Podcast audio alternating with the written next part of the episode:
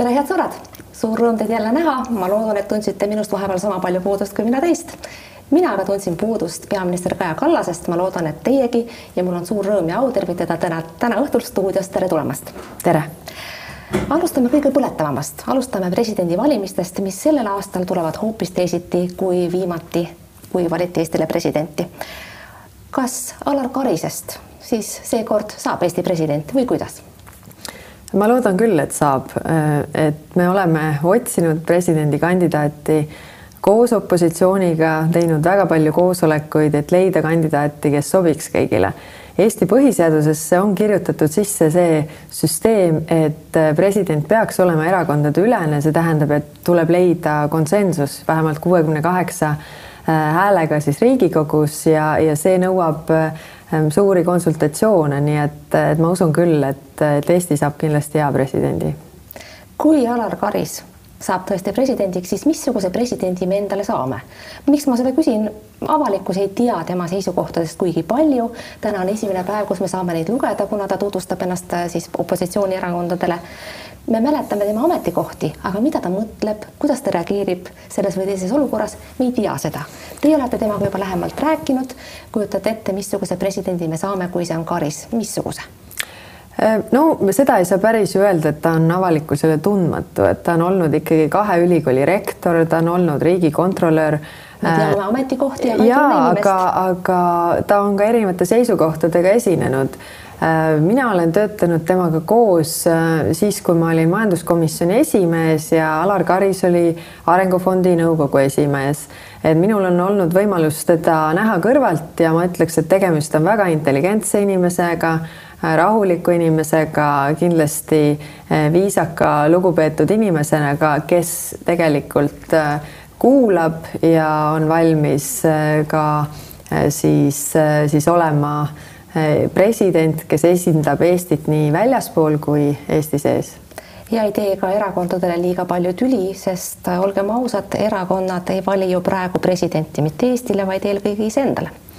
See ei vasta tõele, et äh, kõik sellised diskussioonid, mis on ju varasemalt ka olnud, et kui keegi arvab, et valime presidendi, siis see oleks mugav ühele või teisele, no kui Kersti Kaljulaiu üle oli arutelu, siis ega Isamaa ju arvas, et äh, kuna tegemist on nende ridadest võrsunud inimesega, et et Kersti Kaljulaid on neile mugav president. kuidas läks, ei olnud väga mugav president äh, Isamaa jaoks, nii et tegelikult selle tuleb täiesti kõrvale panna, kui vaadata äh, Alar Karise tegevust riigikontrolörina, siis ei saa ju öelda, et oleks olnud ühelegi valitsusele mugav. äh, ja, ja ma arvan, et kes iganes eeldab, et ta on ühele või teisele erakonnale mugav, tegelikult eksib. Ja nii on juhtunud ju kõikide Äh, presidentidega, kui nad ikkagi selles ametikohal on, siis nad seda ametikohta täidavad ja sisustavad vastavalt oma äranägemisele ja vastavalt põhiseaduses ette nähtud piiridele kuid Kersti Kaljulaid ei saa jätkata just nimelt põhjusel,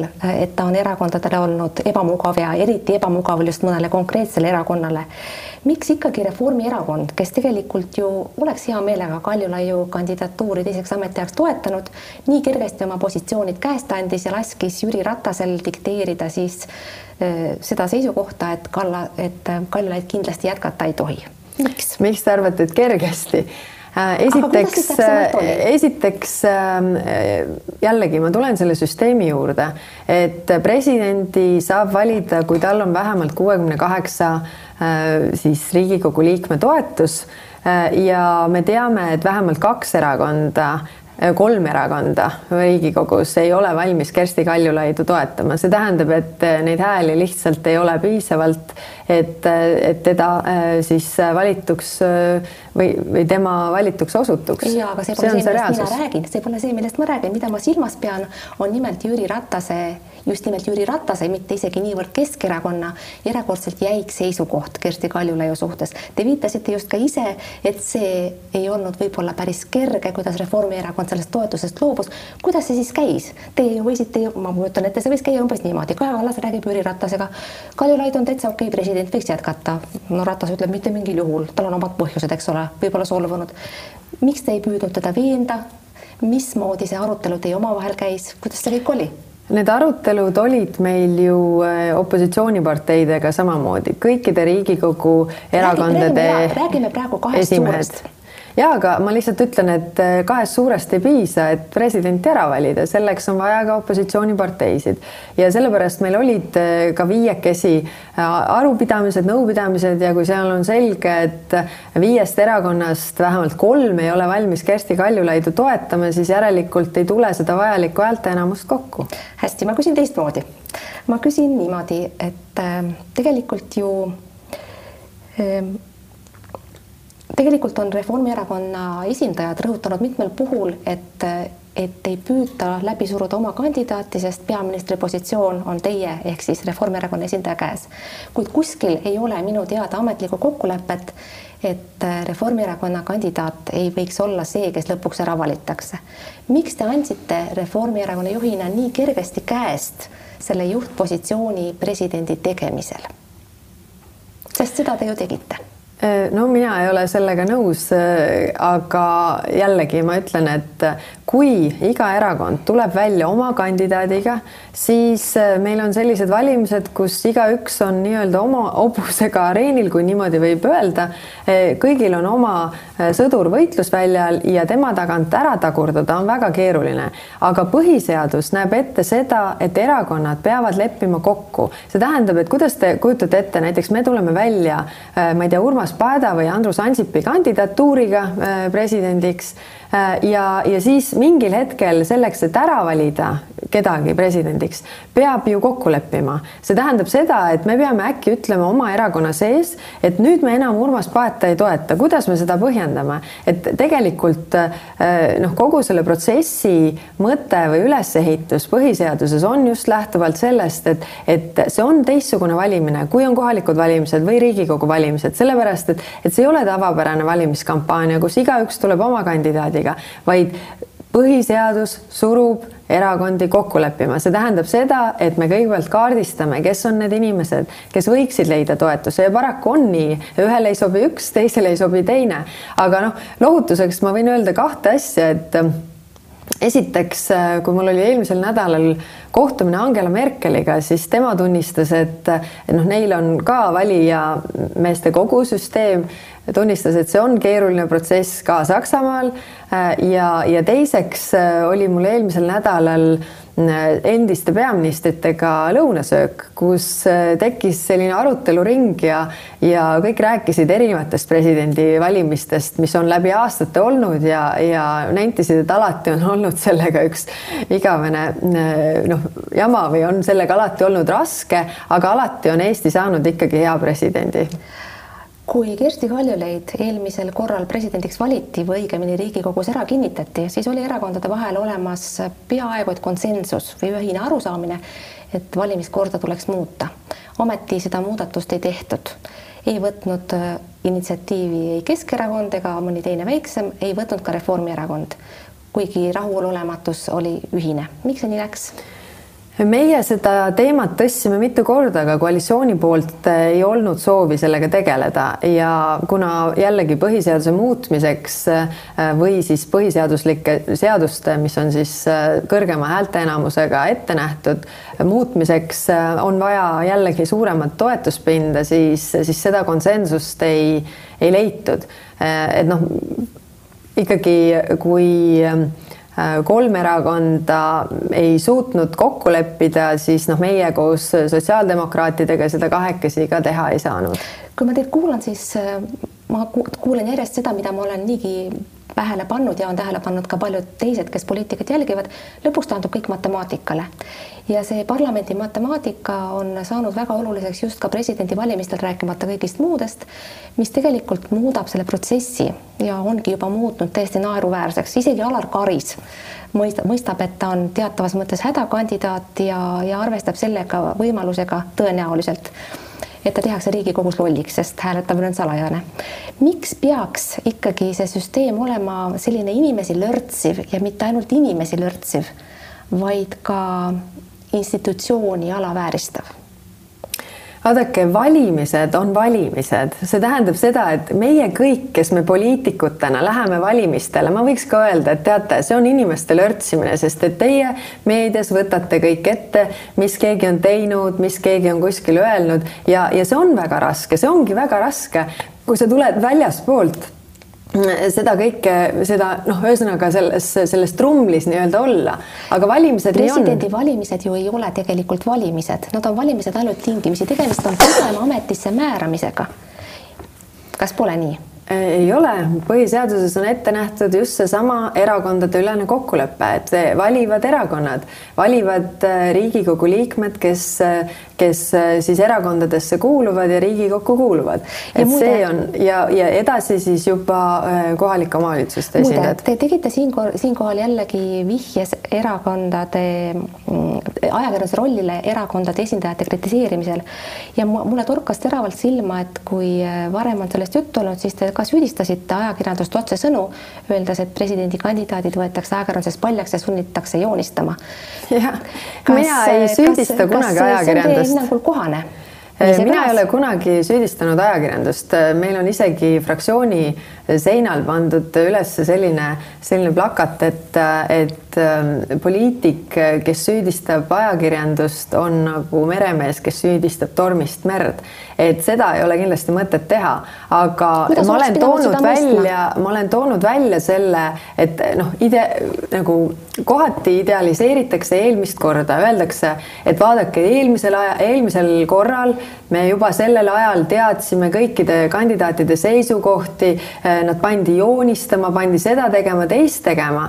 aga, aga see kõik oleks suurepärane, kui see kandidaat kes presidendiks valituks osutus, oleks tulnud nende inimeste seast, kes debatti pidasid, aga ta ei tulnud ju ta tuli oli pärast see, seda, kui kõik olid eh, nii-öelda kõrvale heidetud ja, ja debattides tema ju ei osalenud. aga oli see siis ajakirjanduse süü, see oli ikka ei, ma pole süü. kordagi öelnud, et see on ajakirjanduse süü. et selles mõttes eh, ma lihtsalt tahan öelda seda, et kui ajakirjandus idealiseerib seda eelmist korda, justkui siis olid debatid ja pikk protsess, siis inimene, kes valituks osutus, nendes debattides ju ei osalenud. et kui, kui panna need kaks asja kokku, mulle iseenesest ka meeldis see, et et sul on erinevad äh, noh, sa kuuled nende seisukohti, äh, saab äh, siis teada, mis inimene ühest või teisest asjast mõtleb, et kunagi Peeter Esimene isegi ütles, et kõik bojaarid peavad rääkima sellepärast, et, et rumalus oleks kohe näha.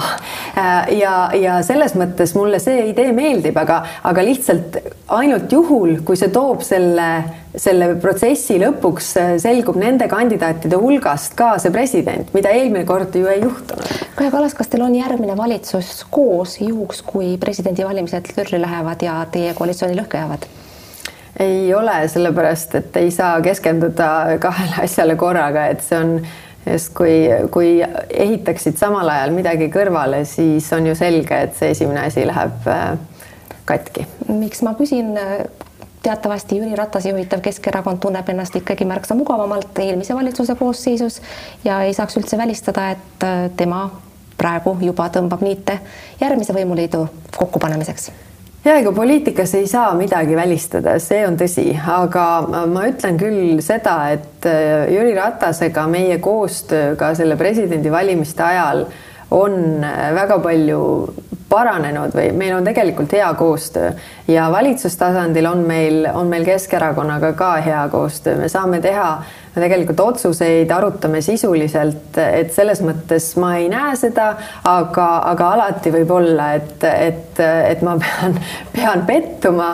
aga, aga ma tahaks küll loota ja vähemalt mul endal seda tunnet ei ole praegu, et, et selline paralleelprotsess käiks hästi, mõni sõna koroonast, kui te tulite, tulite peaministrina võimule, siis ütlesite, et koroona seljatamine, selle viirusega võitlemine on kõige tähtsam prioriteet sellel valitsusel. sellest hoolimata pidite kohe alguses äh, neid äh, piiranguid karmistama, ennetades teie vastulauset ütlen, võib-olla ühtlustama oleks täpsem sõna. ja tegelikult viiruse võitmisest on asi praegu väga kaugel. ma kõigepealt tahaks ära korrigeerida, mina ei ole rääkinud seljatamisest sellepärast et ma olen rääkinud sellest, et me peame selle viirusega õppima elama, et ega see viirus kuhugi ei kao. see seljatamine tundub nagu väga noh, selles mõttes väga optimistlik ja kui me vaatame praegu seda, kuidas see viirus ikkagi maailmas endiselt on, siis, siis seljatamisest oleks, oleks väga vale unistada. hästi, aga te ütlesite, et see on teie prioriteet, sellega tegelemine. kuid mida me oleme näinud, on vaktsineerimise äh, ebaedulugu. oleme näinud, kuidas sotsiaalminister Tanel Kiik on esinenud täieliku käpardina ja oleme pidanud äh, läbi elama selle, kuidas Terviseamet laseb vaktsiinid raisku minna ja mitte keegi ei võta vastutust. alustame Kiigest, miks säärase käpardina esinenud minister üldse teie valitsusse kuulub ikka veel? Esiteks äh, koroonavaktsiinid äh, seal laos äh, pahaks ei läinud, et need olid juba erasektori ladudes, et seal läksid tõepoolest teised ravimid ja, ja vaktsiinid ja, ja see on erakordne käkk, mis on, on tehtud. aga, aga see on kõik, kui ma seda raportit lugesin, siis, siis noh, seal on vastutaja projekteerija, seal on vastutaja tellija, seal on vastutaja ehitaja, seal on vastutaja ehitusjärelevalve, seal on vastutaja Terviseamet, Ravimiamet, tegelikult Riigi Kinnisvara Aktsiaselts. see kõik on tehtud juba kahe tuhande seitsmeteistkümnendal aastal, et mõnes mõttes noh, praegu öelda, et, et noh, näiteks ma ei tea, ajakirjanduses te tulete tööle kahe tuhande üheksateistkümnendal aastal ja, ja siis selgub, et teie kolleeg on kahe tuhande seitsmeteistkümnendal aastal kirjutanud artikli, millega noh, nõuta, noh, ühesõnaga, mis on vale, mille pealt nõutakse kahju teie, teie tööandjalt. tööandja tuleb teie juurde, et teie tegelete samade teemadega, mis siis, et te tulite kahe tuhande üheksateistkümnendal aastal tööle. järelikult teie pea läheb selle eest, mida kolleeg on teinud, kes on juba läinud töölt. nii et põhimõtteliselt te õigustate siis seda, et keegi vastutust ei võta? ei, ei, ma, ma tahan just öelda seda, et neid vastutajaid on nii palju, millega me praegu tegeleme. vastutajaid on nii palju, et keegi ei vastuta? Äh, ei, me tegeleme sellega, et tegelikult äh, nõuda neid kahjusid sisse äh, siis nii tel-, nii projekteerijalt kui ehitajalt, need erinevad, mis on Riigi Kinnisvara Aktsiaseltsi vastutus, et tegelikult neid neid vastutajaid siin on, on nagu väga-väga palju ja, ja noh, püüda seda kahju tagasi nõuda, ma ütlen, et, et ma ei ole selles suhtes väga optimistlik, aga, aga noh, see, see, see käkk on ikkagi tehtud kahe tuhande seitsmeteistkümnendal aastal. hästi, aga jõuame tagasi minister Kiige juurde, keda ma nimetasin käpardlikuks tema on ikkagi teie valitsuse liige edasi, hoolimata sellest, et tema haldusalas on nii vaktsineerimine kui ka seesama Terviseamet ja kogu selle, selle juhtimine ja selle töö. miks on niimoodi, et, et selles valitsuses Keskerakonna ministreid äh, juhatab ja valitseb eelkõige Jüri Ratas, aga see on ju teie valitsus, miks Kiik ikka veel ametis on um...? Minister Kiigel on olnud äh, väga raske vastutusvaldkond, arvestades seda äh, perioodi, seda äh, koroonakriisi et, et selles mõttes see ei ole olnud kuidagi võib-olla võrdväärne mõne teise vastutusvaldkonnaga. jah, ma möönan, et seal on olnud palju selliseid asju, millega ma ei ole rahul ja me oleme nende asjadega tegelenud, et, et saada äh, need, need protsessid paremaks. Äh, noh, tänasest on meil äh, Sotsiaalministeeriumis uus kantsler, kes, kelle käes on nii-öelda rahakott ja, ja kellele alluvad ka erinevad institutsioonid, et saada selle protsessi ikkagi paremini tööle. meil on vahe-eesmärgid, mis me oleme seadnud ja, ja mille täitmise poole või noh, paar nädalat oleme neid vahe-eesmärke ka ületanud. nii et, et noh, me selles mõttes eh, noh, praegu oleme ikkagi keset seda kriisi, et, et tegelikult saada eelkõige nagu lahendused, mitte siis nii õudselt kogu aeg päid maha võtta minu poolest võiks Kiigele pea loomulikult otsa jääda, aga oma koha võiks ta siiski kaotada. missugune see teie jutuajamine Jüri Ratasega õigupoolest oli? sest ma kujutan ette, et te tegite ettepaneku Kiik ametist vabastada ja Ratas keeldus sellest ja selle üks põhjus võib olla see, et Kiigel ei ole Riigikogu kohta ja tal on üksjagu laenusid, mis tähendab, et ta jääks ju täitsa ilma peale. seda Keskerakond arusaadavasti lubada ei taha. miks ennast peaministrina siinkohal siiski ei kehtestanud, see on teie valitsus teie moodustatud valitsus? ja ma kindlasti ei hakka avaldama kõiki vestlusi, mis meil Jüri Ratasega omavahel on ja, ja erinevaid väljakutseid, mis selles ametis ees seisavad, et, et noh, praegu on eelkõige soov leida lahendusi mitmele erinevale probleemile, mis, mis meie ees seisavad Kiies ei leidunud ka nii palju riigimehelikkust, et ta oleks ise tagasi astunud, tal on olnud küllaldaselt ette tuua põhjusi, miks ta seda teha ei saa. ja kui ma mõtlen selle peale, millal viimati selline riigimehelik tagasiastumine toimus, siis tuleb mul meelde Signe Kivi no Reformierakonna minister, kes astus tagasi mäletatavasti Aavo Viioli tegevuse pärast Kultuurkapitali rahaga, kuid hilisemast ajast mulle ühtegi säärast näidet ei meenunud ja küllap teate nii, nii teie kui ka meie saate vaataja, et tegelikult Signe Kivi otseselt ei saanud teada sellest, mida Viiol rahaga tegi ja ammugi ei saanud ta sellest otseselt isiklikult vastutada, ehk siis küsimus on riigi mehelikkuses ja säärases toimimises. kas siis äh, selles valitsuses või üldse meie ajal ei leidugi enam sääraseid riigimehi, kes näiteks Signe Kivi kombel võiksid võtta vastutuse väga suure käki eest, kui kasutada teie sõnu oma valdkonnas, oma vastutusalas. Jah, Signe Kivi samm absoluutselt väärib äh, seda austust ja, ja mul on väga hea meel, et Signe Kivi meie meeskonnas ka on, tal on tõesti äh, ütleme, siht ja, ja südametunnistus on väga selgelt paigas, et, et ma arvan, see, et ta on Riigikogus, on, on suurepärane. Ja ongi erinev, erinev tunnetus, loomulikult üks asi, mis toimub selles valitsusalas täpselt siis, kui sa oledki selles positsioonis, kus sa kõige eest vastutad. Ja, ja noh, teine on see, mis toimub ka varasemalt, ma ei, ma ei kaitse kuidagi, aga lihtsalt mm, on, kui vaadata kogu seda raportit, siis noh, põhilised jamad on kõik tehtud kahe tuhande seitsmeteistkümnendal aastal, et kui Viiol äh, pani toime need äh, sammud ju tegelikult ministri äh, ametisoleku ajal, et siis, siis noh, igal juhul Signe Kivi samm Äh, väärib tunnustust äh, igal juhul, jah mõni sõna ka Reformierakonna olevikust ja tulevikust. Te olete palju saanud rääkida minevikust seoses nüüd vabariigi aastapäeva, taasiseseisvumise kolmekümnenda sünnipäevaga ja nii edasi. kuid vaataksime pigem tulevikku ja ma pean silmas eelkõige siis sellise poliitilise tasakaalu muutumist. Reformierakonna reiting on endiselt küll kõrgeim, aga teisel kohal sageli arvamusküsitlustes ei ole enam mitte Keskerakond, vaid hoopis EKRE. mis tähendab seda, et see parlamendi matemaatika, millest me kõnelesime saate alguses seoses presidendivalimistega, saab järjest olulisemaks ja muutub ehk teine, suuruselt teine erakond on tõenäoliselt EKRE, mis tähendab seda, et varem või hiljem võib olla Reformierakond ka seisus, kus tema ainuke võimalus võib-olla ongi moodustada valitsus EKRE-ga. Kui selline päev kätte jõuab, kas teie seda teeksite? meie väärtused on küll väga erinevad, et ma praegu küll ei näe seda, et me leiaksime ühisosa, kui me vaatame EKRE käitumist ja ei, aga mina, mina siiski olen oma lubadustest kinni pidanud, et mina rääkisin seda ka ennem Riigikogu valimisi ja hoidsin sellest kinni, et, et selles mõttes ähm, ma, ma siiski praegu ei näe seda.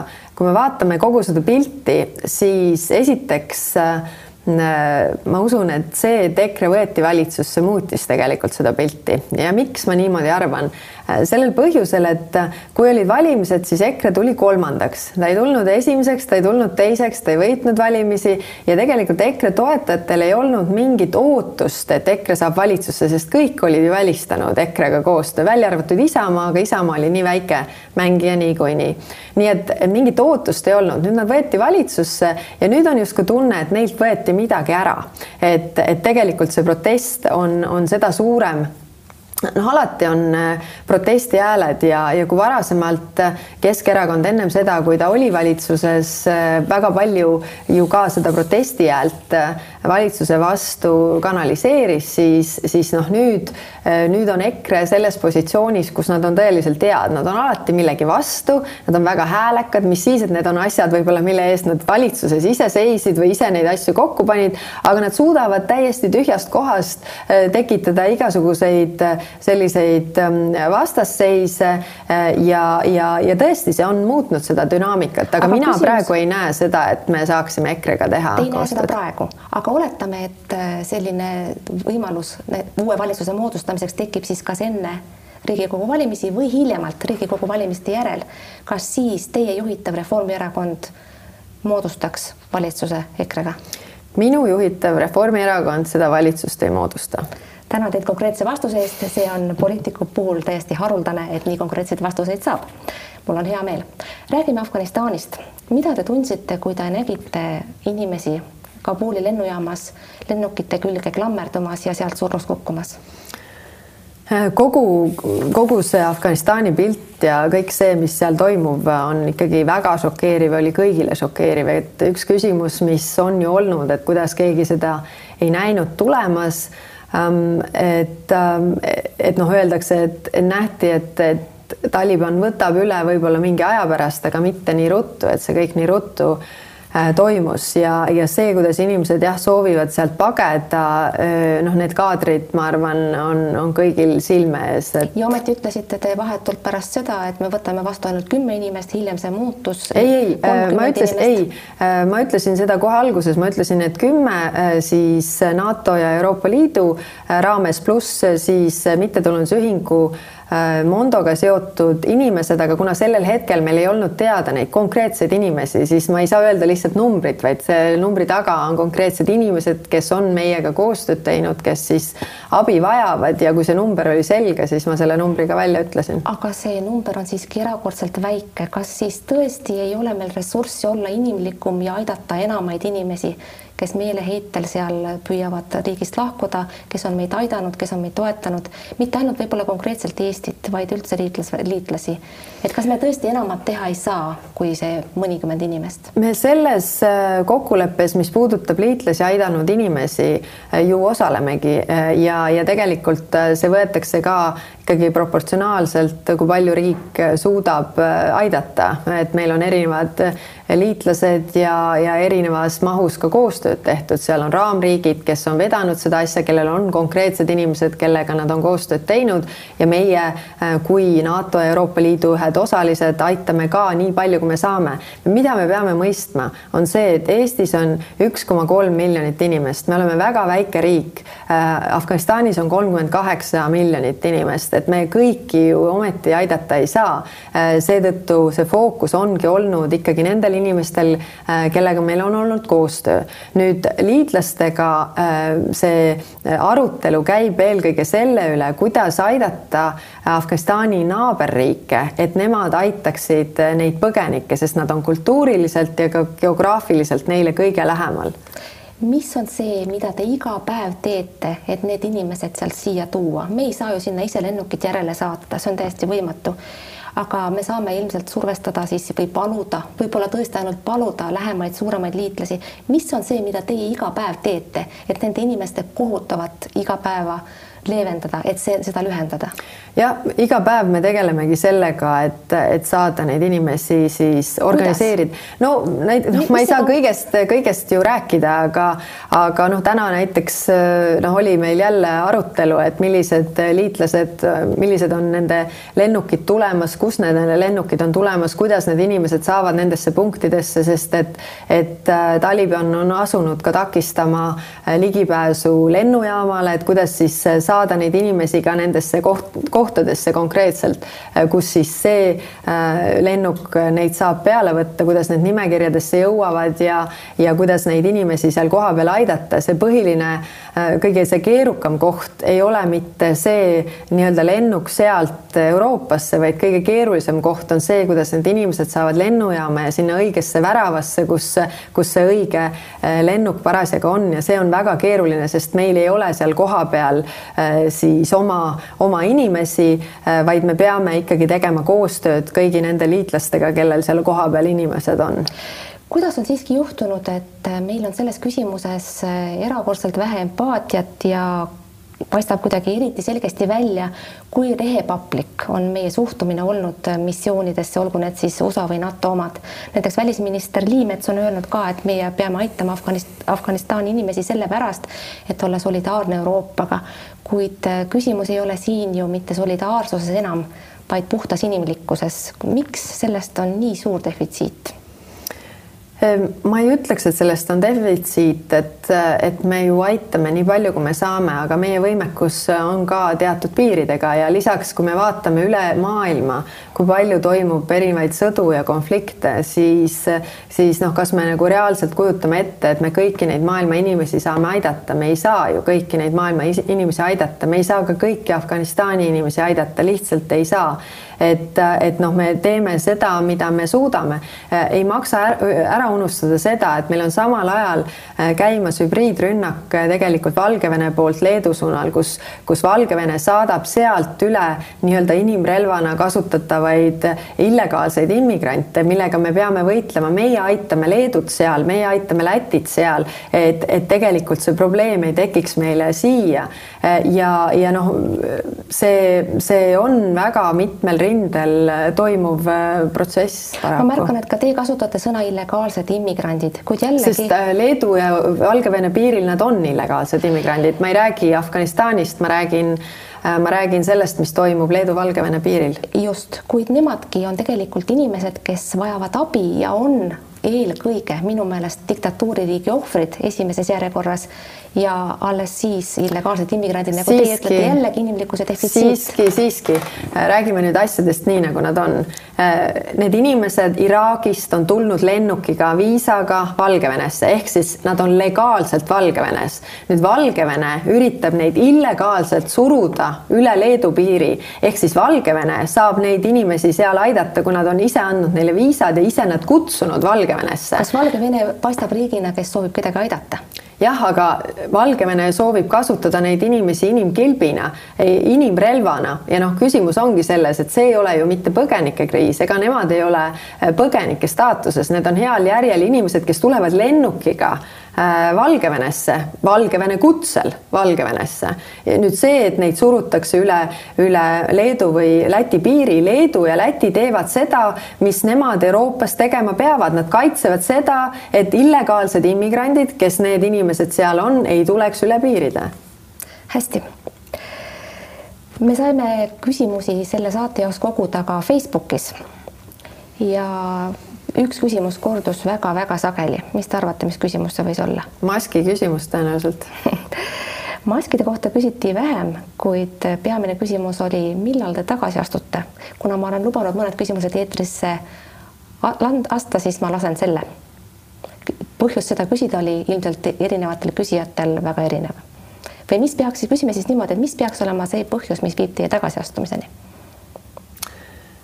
see, mis, äh, kui on mingi selline suur asi, mille, mille eest mina olen vastutav, siis ma kindlasti olen valmis tagasi astuma, et et ähm, praegu jah, ma kujutan ette, et mul on, äh, mul on seal loomulikult EKRE on väga aktiivne näiteks äh, sotsiaalmeedias, ma näen seda ju ka oma lehekülgedel ja nii edasi, et et siiski eh, on, on mul ka toetajaid ja, ja ma olen kindlasti valmis vastutust võtma, kui on millegi eest vastutust võtta. praegu on üks kriis ajab teist taga, mida tuleb lahendada saadet kokkuvõttes, mis, mida näete ise enda kõige suurema saavutusena ajal, mil te olete olnud peaminister? no seda on veel väga vara öelda, et ähm,. seniajani.